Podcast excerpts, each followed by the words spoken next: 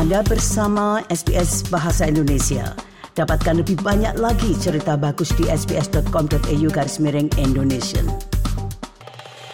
Pendengar, pemerintah federal telah memperkenalkan undang-undang ke parlemen untuk merevisi rencana lembah Sungai Mari Darling. Namun rencana tersebut mendapat penolakan dari pihak koalisi dan Partai Hijau yang mengatakan bahwa masih banyak yang harus dilakukan. Berikut ini laporan tentang hal tersebut yang disusun oleh Debra Cork untuk SBS News. Pintu air telah terbuka kembali pada sistem sungai paling kompleks di Australia. Sebuah rancangan undang-undang untuk mengubah rencana pengelolaan lembah Mari Darling kini telah diajukan ke parlemen yang diperkenalkan oleh Menteri Lingkungan Hidup, Tanya Plibersek. Untuk mengatasi kekeringan selama bertahun-tahun dan alokasi air yang berkelebihan untuk industri, pertanian, dan masyarakat, rencana tersebut bertujuan untuk mengembalikan 450 gigaliter air tambahan ke lingkungan pada bulan Juni.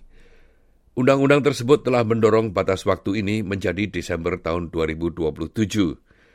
Tanya Plibersek mengatakan Partai Buruh telah melakukan segala cara untuk mengatasi apa yang disebutnya sebagai pengabaian selama bertahun-tahun oleh pemerintahan koalisi sebelumnya. More recently, we have seen a very different picture. More than 80% of the water that has been delivered towards the plan has been done when Labor is in government. Only 16% under those the opposite. And in fact, when I became the water minister, just two gigalitres of the 450 gigalitres of additional environmental water had been delivered. Ia mengatakan rencana pengelolaan yang direvisi itu adalah jalan terbaik ke depan.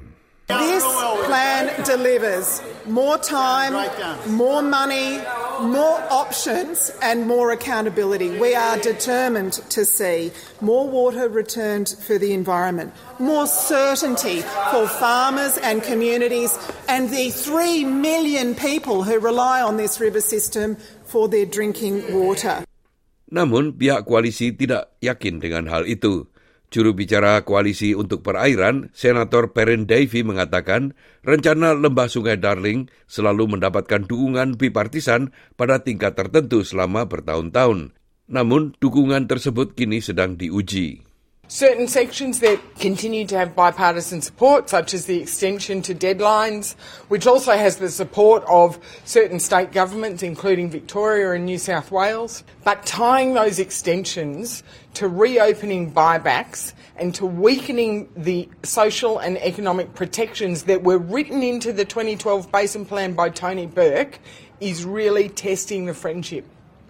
That's why I am calling for this these amendments to go to a comprehensive Senate inquiry and for that inquiry to travel to the regions to talk to the communities that will be most impacted by these changes. Partai Hijau mengatakan mereka tidak dapat mendukung rencana revisi tersebut dalam bentuknya yang sekarang. Mereka menginginkan mekanisme pengawasan yang lebih ketat ditambahkan untuk memastikan seluruh 450 gigaliter yang diperuntukkan bagi lingkungan itu benar-benar dipulihkan. Senator Sarah Hansen yang dari Australia Selatan mengatakan selama satu dekade telah berulang kali terjadi ingkar janji dalam pengelolaan air di sungai itu. South Australia needs to make sure we get a guarantee of what is being promised. We need a guarantee that the water that the environment needs to keep the river alive will flow. We need to make sure that we don't reach another election or an election after that and see more broken promises. South Australia is sick and tired of broken promise after broken promise. We want the water the river needs, the environment needs, and we want it locked in and guaranteed. Rencana yang direvisi itu juga diperkirakan akan menimbulkan penolakan dari luar parlemen. Victoria dan para petaninya masih menentang rencana baru yang diterapkan saat ini.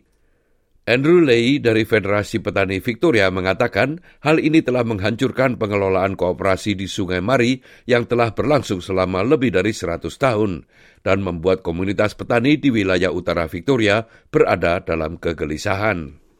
Sementara itu, komunitas First Nations mengatakan bahwa rencana yang ada saat ini dimaksudkan untuk mewajibkan pihak berwenang menghormati nilai-nilai masyarakat adat dan penggunaan air, namun hal itu sering diabaikan.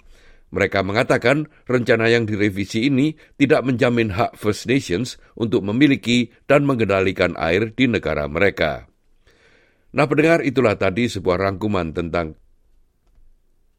peraturan pemerintah untuk mengelola Sungai Mari Darling yang disusun oleh Deborah Krog untuk SBS News dan disampaikan oleh Ricky Kusumo.